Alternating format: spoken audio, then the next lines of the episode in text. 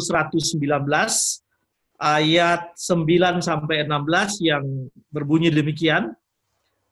Dengan apakah seorang muda mempertahankan kelakuannya bersih? Dengan menjaganya sesuai dengan firman-Mu. Dengan segenap hatiku aku mencari Engkau. Janganlah biarkan aku menyimpang dari perintah-perintah-Mu.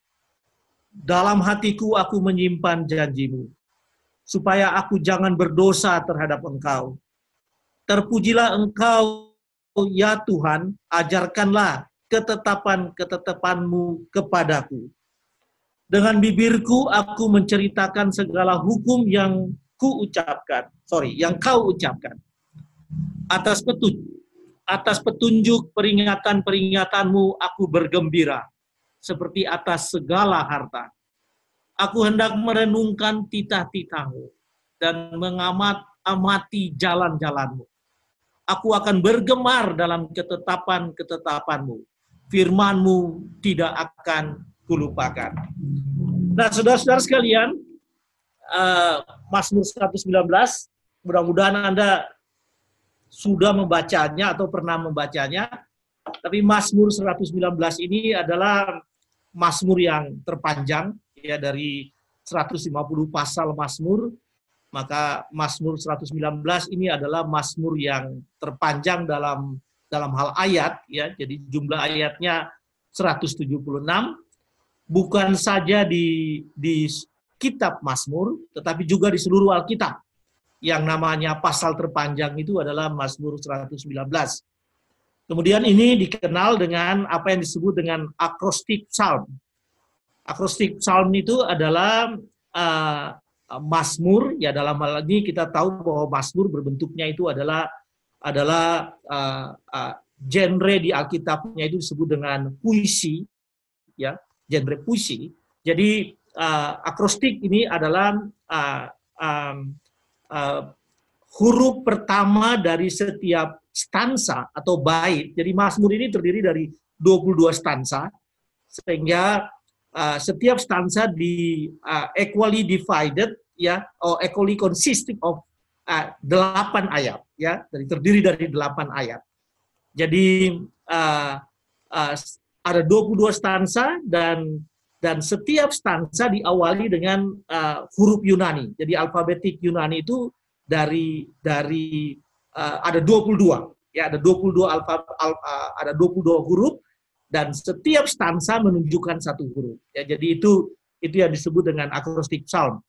Di dalam Mazmur ada kira-kira empat atau lima apa yang disebut dengan akrostik psalm ini ya. Jadi uh, Mazmur yang yang terdiri dari atau puisi yang terdiri dari diawali dengan huruf yang berurutan itu itu ada kira-kira kalau saya nggak salah tiga atau empat Mazmur. Oke, okay, uh, Mazmur ini kita tidak tahu siapa pengarangnya, jadi tidak seperti Mazmur yang lain. Tetapi kalau Anda membacanya, mempelajarinya, Anda akan mengambil kesimpulan dari gaya bahasa, dari pengalaman dan seterusnya. Kemungkinan besar Mazmur ini ditulis oleh Salomo atau juga Daud, ya antara Daud dan Salomo. Jadi uh, uh, dari Mazmur ayat-ayat Mazmur itu kita bisa memahami ekspresi ekspresi iman yang luar biasa dan uh, ekspresi pengalaman ya ekspresi pengalaman sehingga kita bisa mengambil kesimpulan Daud tetapi dari gayanya ini mungkin juga Salomo.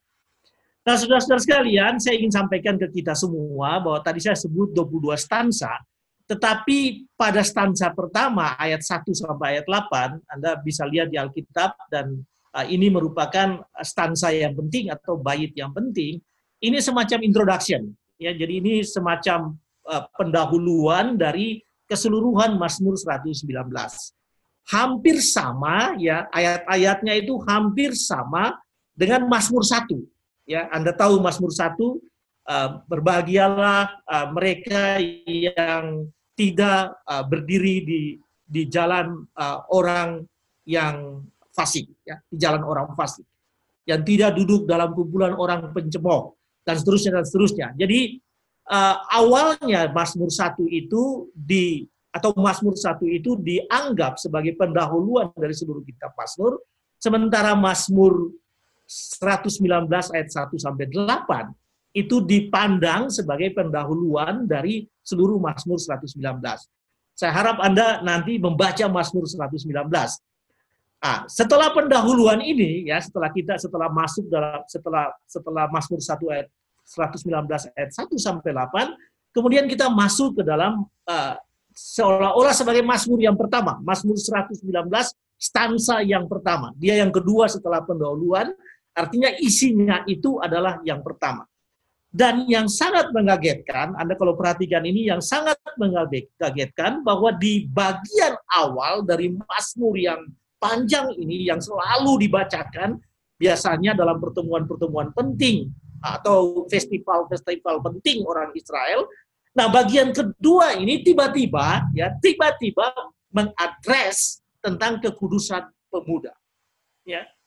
Jadi uh, setelah di, setelah pendahuluan tiba-tiba pemazmur atau orang Israel dalam membacakan mazmur yang panjang ini mereka masuk pada stansa kedua dan stansa kedua ini tema besarnya itu adalah mengenai kekudusan pemuda. Ya. Ini berarti apa? Ini berarti bahwa posisi pemuda itu begitu penting di dalam persekutuan orang-orang Israel pada saat itu. Atau paling tidak dari sisi pemazmur, penulis mazmur, maka dia melihat bahwa posisi pemuda itu begitu penting kedudukan dan peran pemuda itu begitu penting sehingga dalam Mazmur yang panjang ini dalam akrostik psalm yang begitu panjang sampai 176 ayat ini tiba-tiba setelah pendahuluan dia masuk dengan tema tersebut yang yang adalah tema tentang kekudusan pemuda. Nah, saudara-saudara sekalian, kalau Anda membaca di ayat 9, ayat 9 ini semacam semacam gagasan utama dari dari tema ini, dari stansa kedua atau dari bait kedua dari Mazmur 119 ini. Dan di dalam di dalam bait kedua ini ya di dalam pasal ayat 9 ini dikatakan begini. Dengan apakah seorang muda mempertahankan kelakuannya bersih? Ya, dengan apa? Mazmur mempertanyakan itu, dengan apa?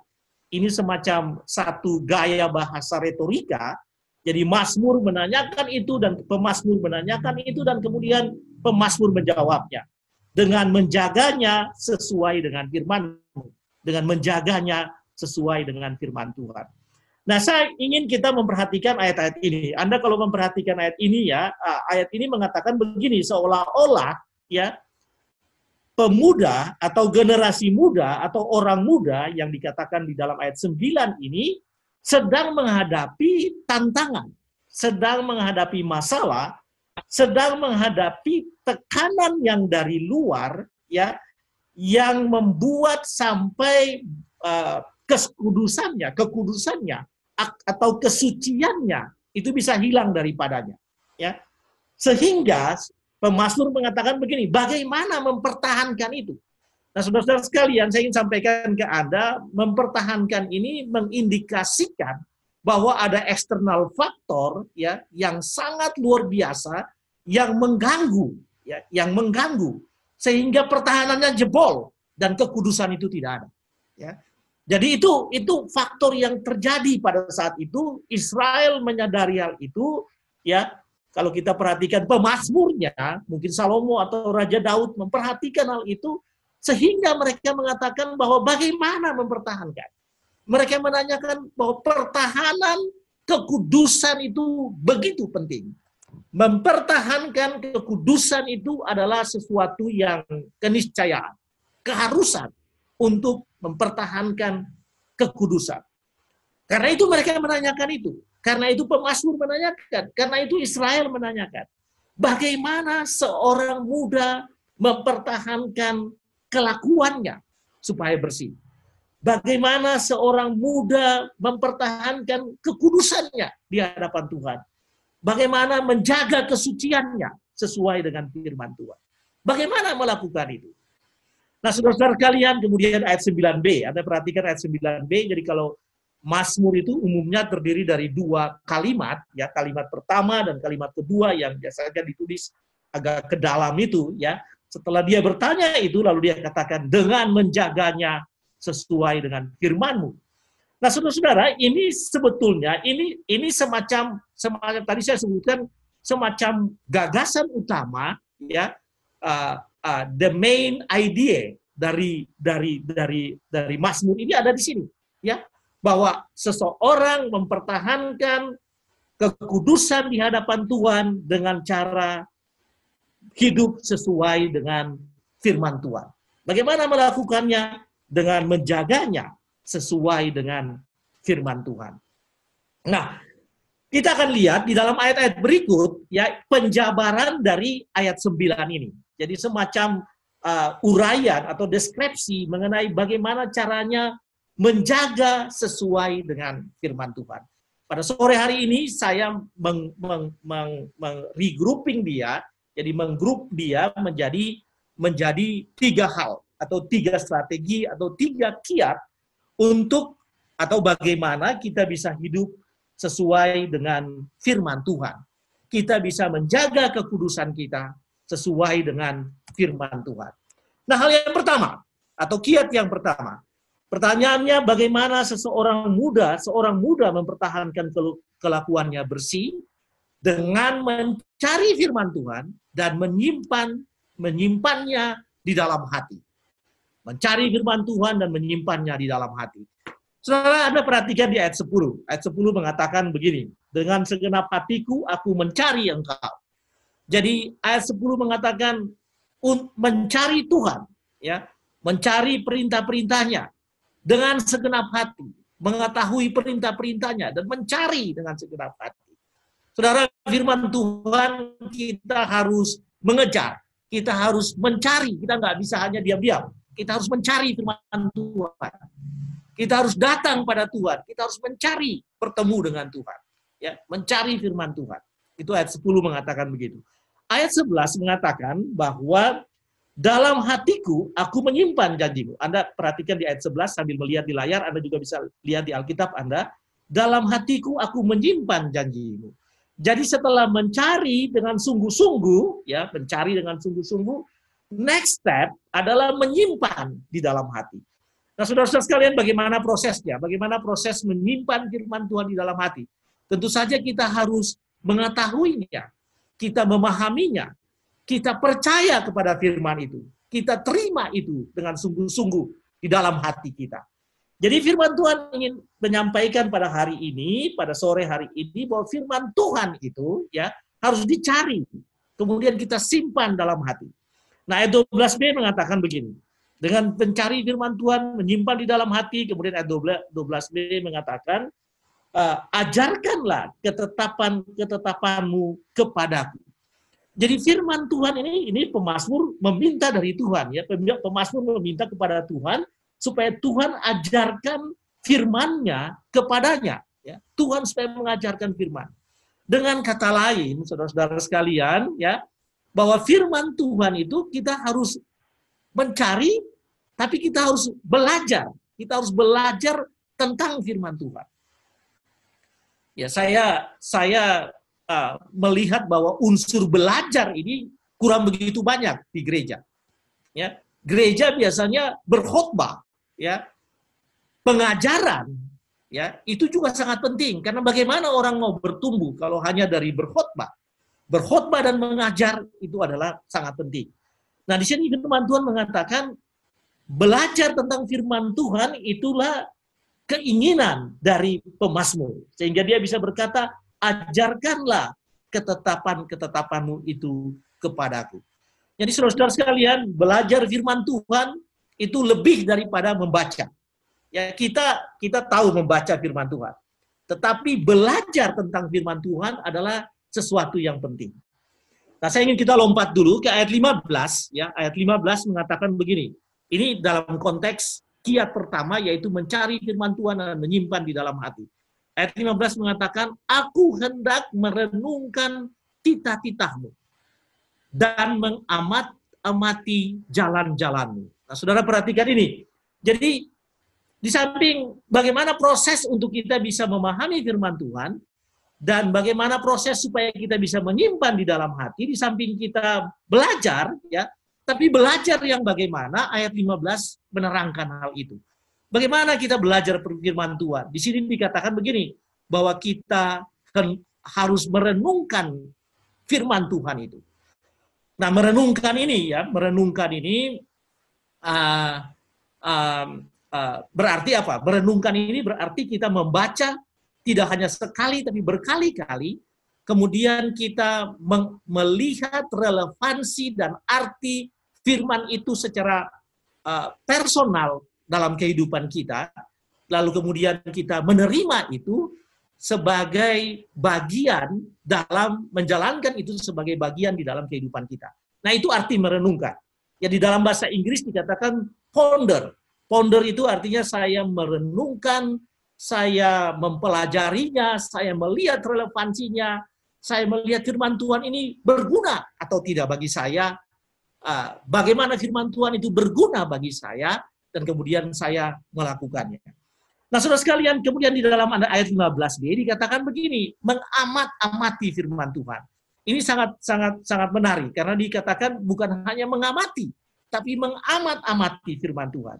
Nah, dengan penekanan seperti ini dalam bahasa Indonesia itu ya di, kalau dua kata diulang seperti ini, ini menyatakan bahwa satu kebiasaan, satu habit mengamat amati firman Tuhan merupakan merupakan habit saya, merupakan kegemaran saya, kebiasaan saya untuk mengamat amati firman Tuhan. Nah, kalau Anda membaca Alkitab baik dalam NIV atau di dalam di dalam di dalam uh, terjemahan yang lain ya, Anda akan mendapatkan uh, kalimat-kalimat yang atau kata-kata padanan yang menjelaskan tentang bagaimana sih uh, memahami firman Tuhan. Saya ingin sampaikan ke Anda begini bahwa membaca firman Tuhan itu sangat sedikit, hampir tidak ada di dalam di dalam Alkitab. Yang ada adalah merenungkan, ya, mengamat-amati, mempelajari, mencari. Itu adalah kata-kata yang yang muncul berkali-kali terutama dalam Mazmur tentang sikap kita terhadap terhadap uh, Alkitab, terhadap firman Tuhan.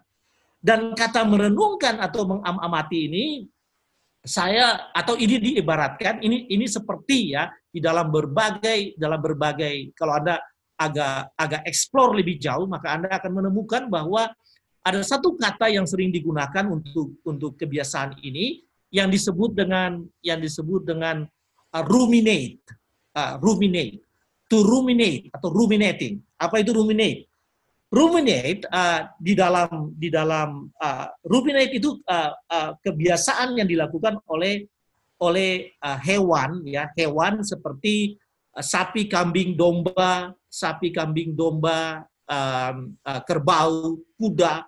Itu adalah hewan-hewan yang disebut dengan ruminansia hewan-hewan ruminansia adalah hewan-hewan seperti itu dan kebiasaan mereka dalam bahasa Indonesia itu disebut dengan memama biak ya memama biak. Ruminan, ruminate itu memama biak. Ya, jadi uh, uh, uh, apa yang dilakukan? Yang dilakukan yaitu ketika mereka memakan memakan rumput, ya mereka makan, ya biasanya dia simpan di dalam lambungnya. Kemudian pada saat dia beristirahat, ya ketika hewan itu beristirahat, dia akan mengeluarkan uh, dari lambungnya makanan itu lagi dan dia akan mengunyah lagi. Dia akan mengunyah, mengunyah sampai betul-betul halus, ya baru dia menelan.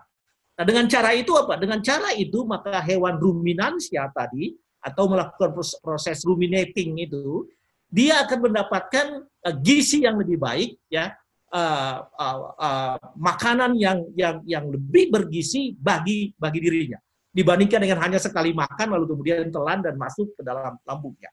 Nah, merenungkan firman Tuhan, mengamati amati firman Tuhan adalah seperti tadi.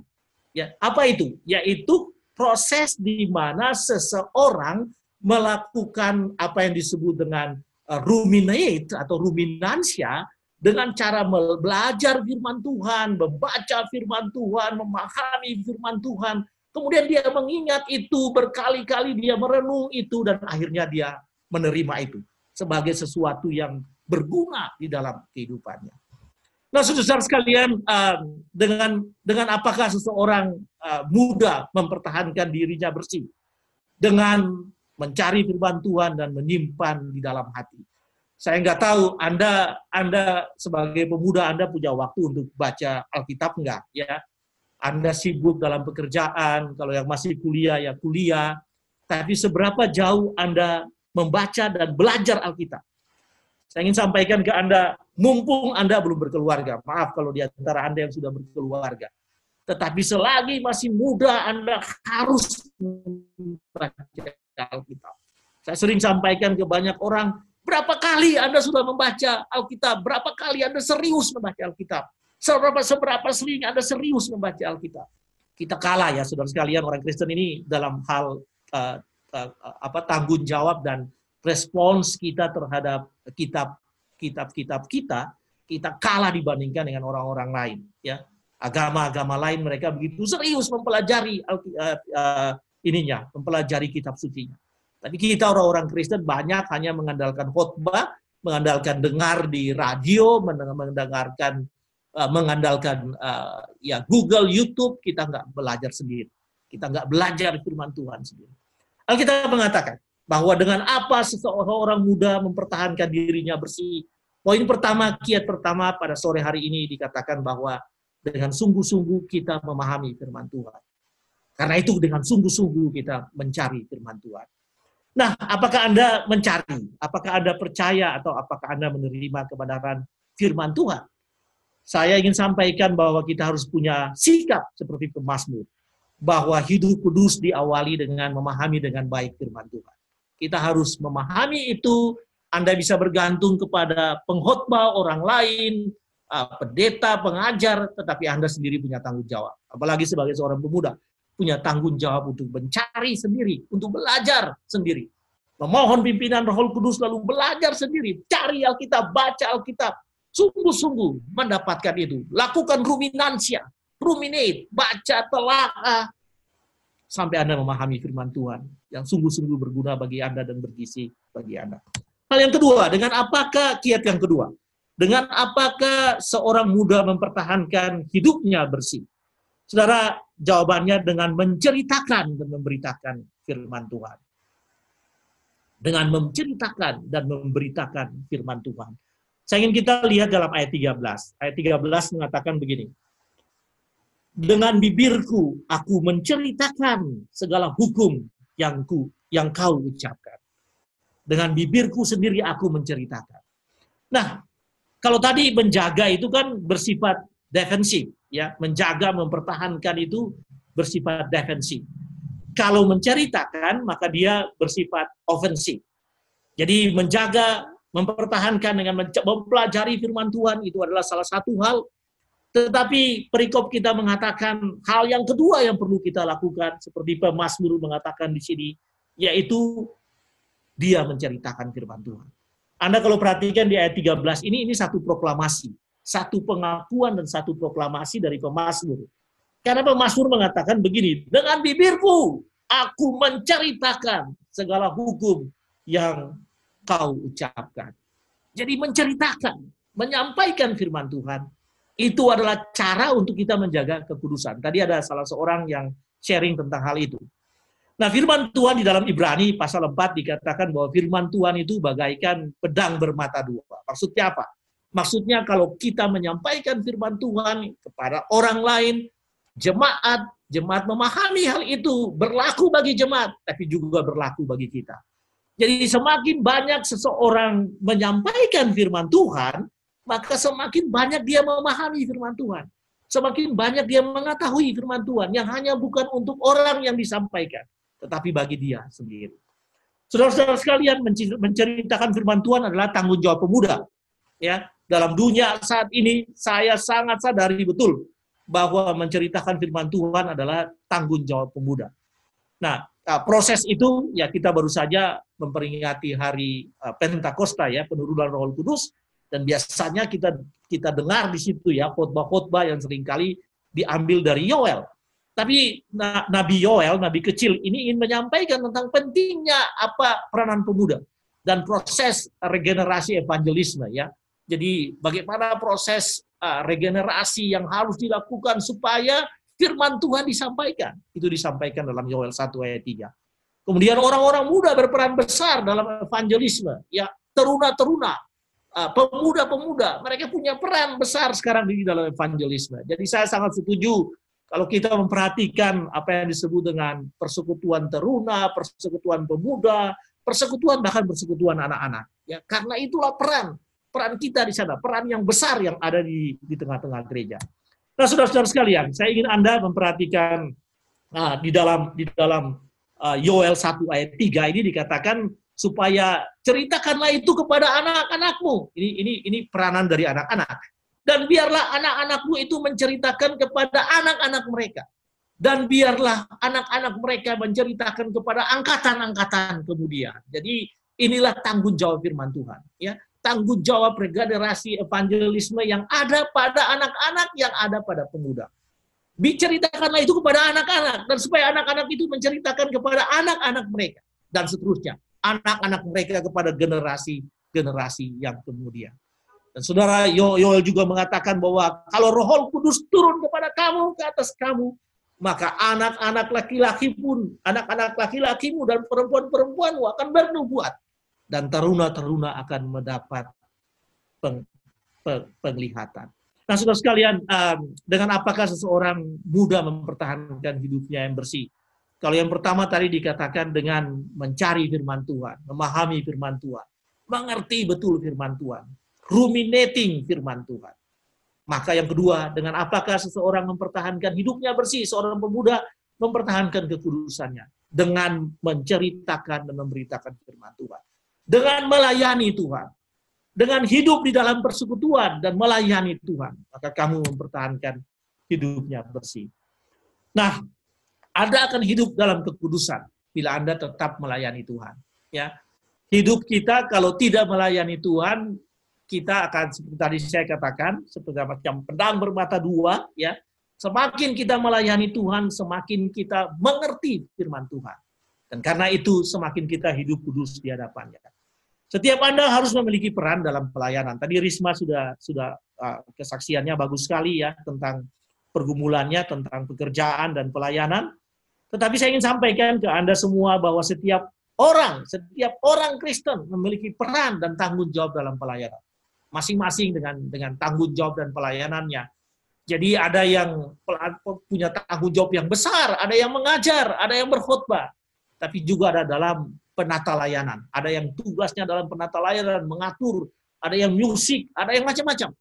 Jadi setiap orang mempunyai tanggung jawab dalam pelayanan. Dan firman Tuhan sore hari ini ingin mengatakan, kalau Anda mau hidup kudus di hadapan Tuhan, mempertahankan hidup kudus di hadapan Tuhan, anda tidak boleh berhenti pelayanan. Anda harus ada dalam pelayanan.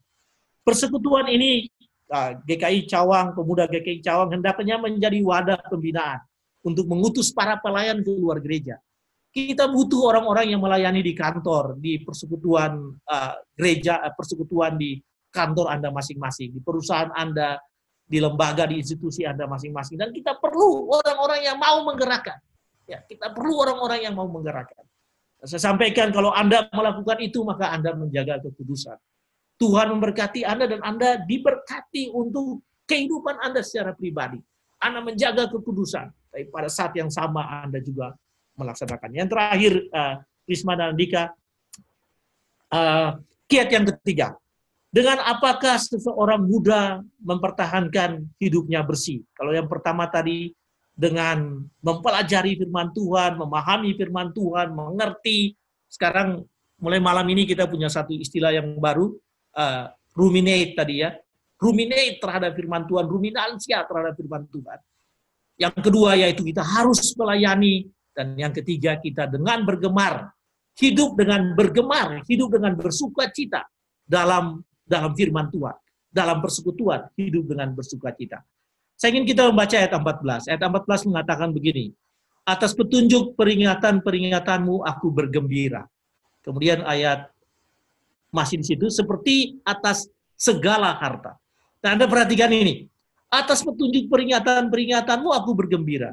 Jadi pemazmur ini bergembira ya karena firman Tuhan. Ya.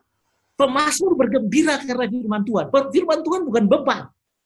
Tapi firman Tuhan itu menjadi dasar untuk dia bergembira. Nah, bergembiranya apa? Seperti atas segala harta, tidak bisa dibandingkan dengan apa pun. Ya, firman Tuhan itu lebih manis, ya, lebih manis daripada madu, dan lebih berharga, bernilai dari emas tua. Itu kata kata pemasmur. Ya. Jadi dia berharga dan aku mau bergembira karena hal itu. Karena yang kumiliki adalah firman Tuhan. Karena aku sudah memahami dan mengerti firman Tuhan, maka aku bergemar, maka aku bergembira. Nah, di dalam ayat 16, uh, 16 dikatakan begini, aku akan bergemar dalam ketetapan ketetapanmu. Nah, saudara-saudara sekalian, satu kali uh, uh, murid-murid dengan Tuhan Yesus, lalu Yesus uh, mengajarkan kepada mereka mengenai mengenai bagaimana uh, cara mengikuti Kristus. Bagaimana salah satu cara mengikuti Kristus. Kemudian Yesus keluar dengan ayat ini, ya. Matius 11 ayat 9 sampai 30. Marilah kepadaku semua orang yang letih lesu dan berbeban, berbeban berat, aku akan memberikan kelegaan kepadamu. Jadi kamu yang punya beban berat, kamu yang letih lesu, kamu yang yang tidak berdaya, ya, kamu kamu datang kepadaku. Kamu datang kepadaku.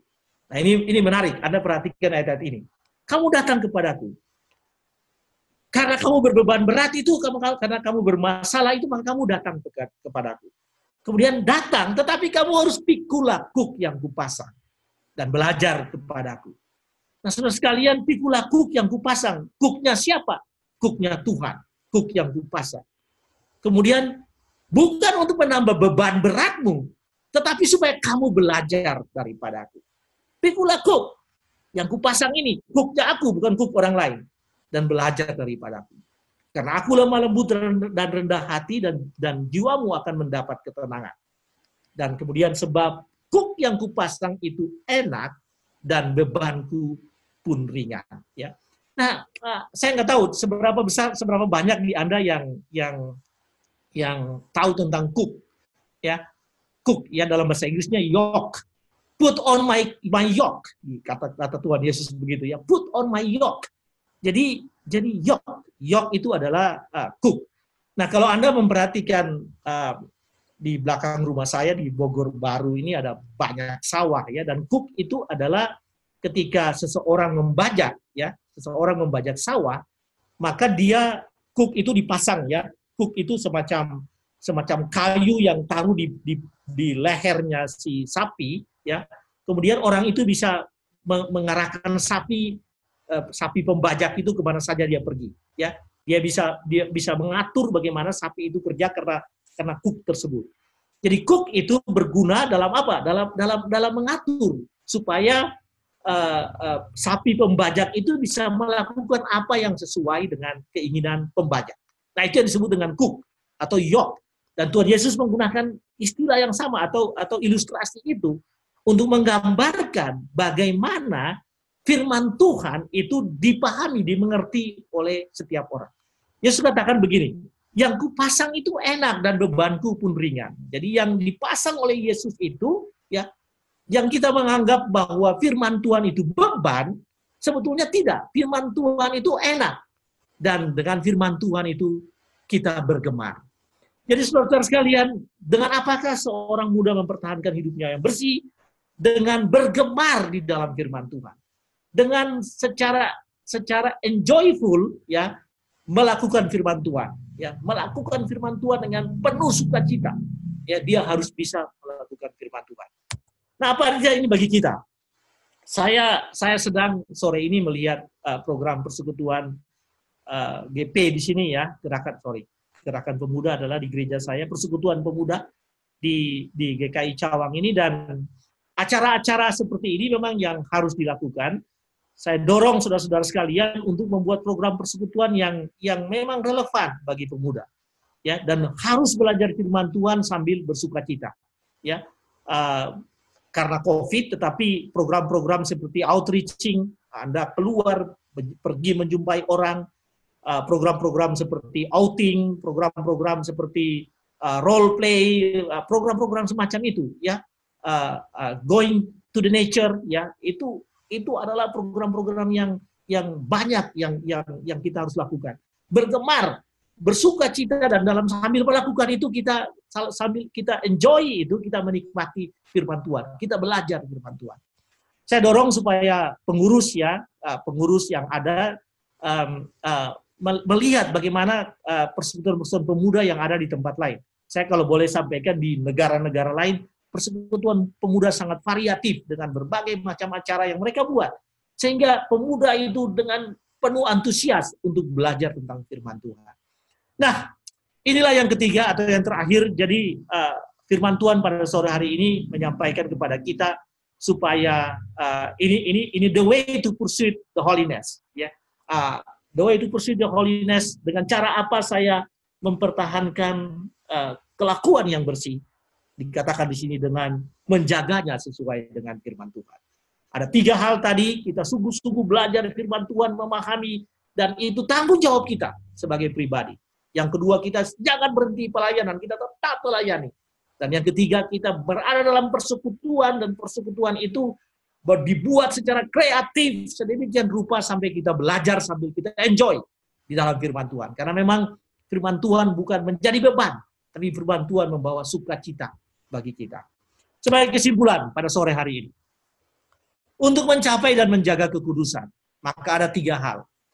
Membaca Alkitab sebagai prioritas. Ya, membaca Alkitab sebagai prioritas. Saya saya tadi saya sampaikan bahwa saya sering sering melatih ya, saya sering melatih uh, uh, dalam program Langham itu saya sering melatih uh, orang bagaimana untuk uh, menggali Alkitab dan menyampaikan pengajaran dan khotbah ya. Saya sering melakukan hal itu. Dan sering kali saya bertanya apakah di antara para pengkhotbah ini sudah ada yang 100% membaca Alkitab dari kejadian sampai wahyu sering kali saya bertanya seperti itu. Banyak yang yang tidak bisa menjawab. Nah saya sampaikan ke Anda selagi masih muda ya selagi masih punya waktu waktu dalam pengertian belum banyak urusan keluarga yang lain ya tentu saja banyak kegiatan di kantor. Mungkin anda sering traveling dan dan waktu ada banyak di luar rumah. Saya ingin sampaikan sore hari ini saya ingin menyampaikan ke anda bahwa anda harus memprioritaskan baca Alkitab dari kejadian sampai wahyu ulang lagi dari kejadian sampai wahyu ya supaya anda mendapatkan konteks firman Tuhan secara general, secara keseluruhan. Anda tahu kejadian ini apa, keluaran, ya terus sampai wahyu. Anda memahami hal itu. Supaya itu menjaga kekudusan hamba. Yang kedua, melayani Tuhan adalah keharusan. Ya, setiap kita harus melayani Tuhan. Menjaga kekudusan kita dengan melayani. Menjaga kekudusan kita dengan bekerja untuk Tuhan. Tentu saja dengan cara begitu Anda anda akan Tuhan akan menjaga Anda yang pertama, tapi Anda juga akan menjaga diri Anda. Karena Anda menjadi satu role model di dalam pelayanan. Jadi orang akan melihat, oh ini si orang yang melayani dalam dalam hal tertentu. Jadi melayani Tuhan adalah keharusan bagi kita semua. Dan yang terakhir bersuka cita dan bergemar dalam menaati firman Tuhan. Menikmati firman Tuhan. Ya, firman Tuhan seperti tadi, yok yang ringan dan enak. Dia adalah beban yang ringan dan enak. Jadi kita harus menikmati itu. Dan mohon pimpinan Tuhan supaya kita makin menikmati belajar firman Tuhan dan melakukan firman Tuhan. Tuhan berkati saudara sekalian. Kiranya firman Tuhan ini berguna bagi kita. Bagi Anda semua. Tuhan berkati. Amin.